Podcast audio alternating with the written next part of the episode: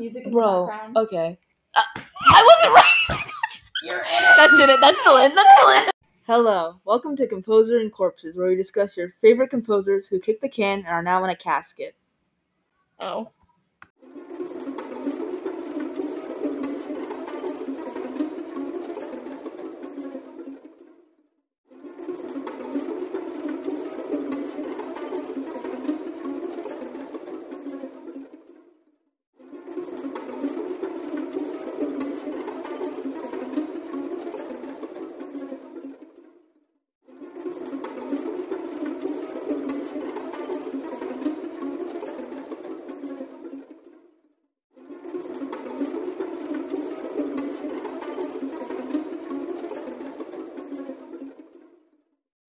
In childhood, he had fatherly figure issues, and he was supposed to Girl, you read like a, a kindergartner.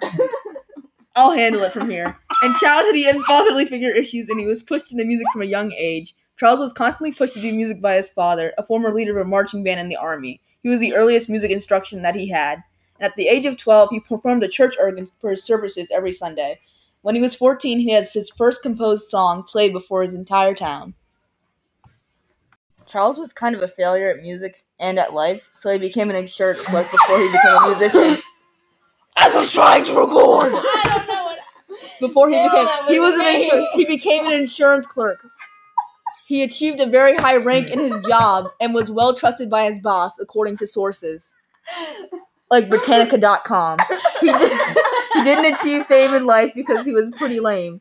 But after he died, his works became very popular. His compositions are kept in the Library of Congress. After his death in 19, 19, 1954, his manuscripts were given to Yale University, which is a very prestigious university, in my opinion.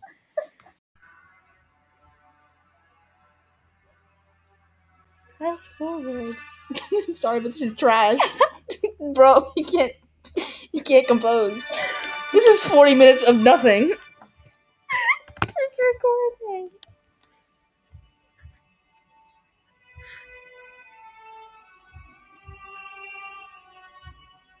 I feel like I'm in the Library of Congress.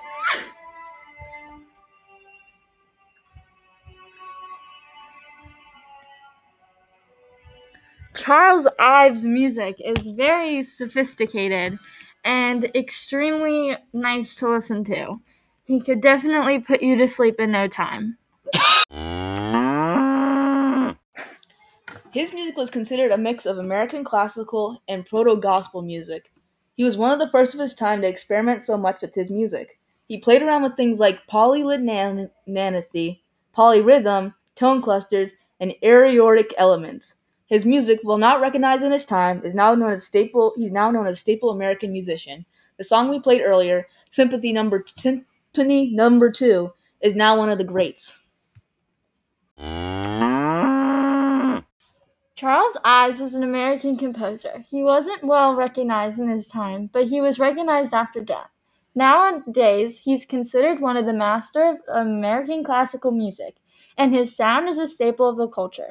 He is well known for his exper- Experimentation. Oh my goodness, right and his constant dedication to music and his own improvement. How do I stop it?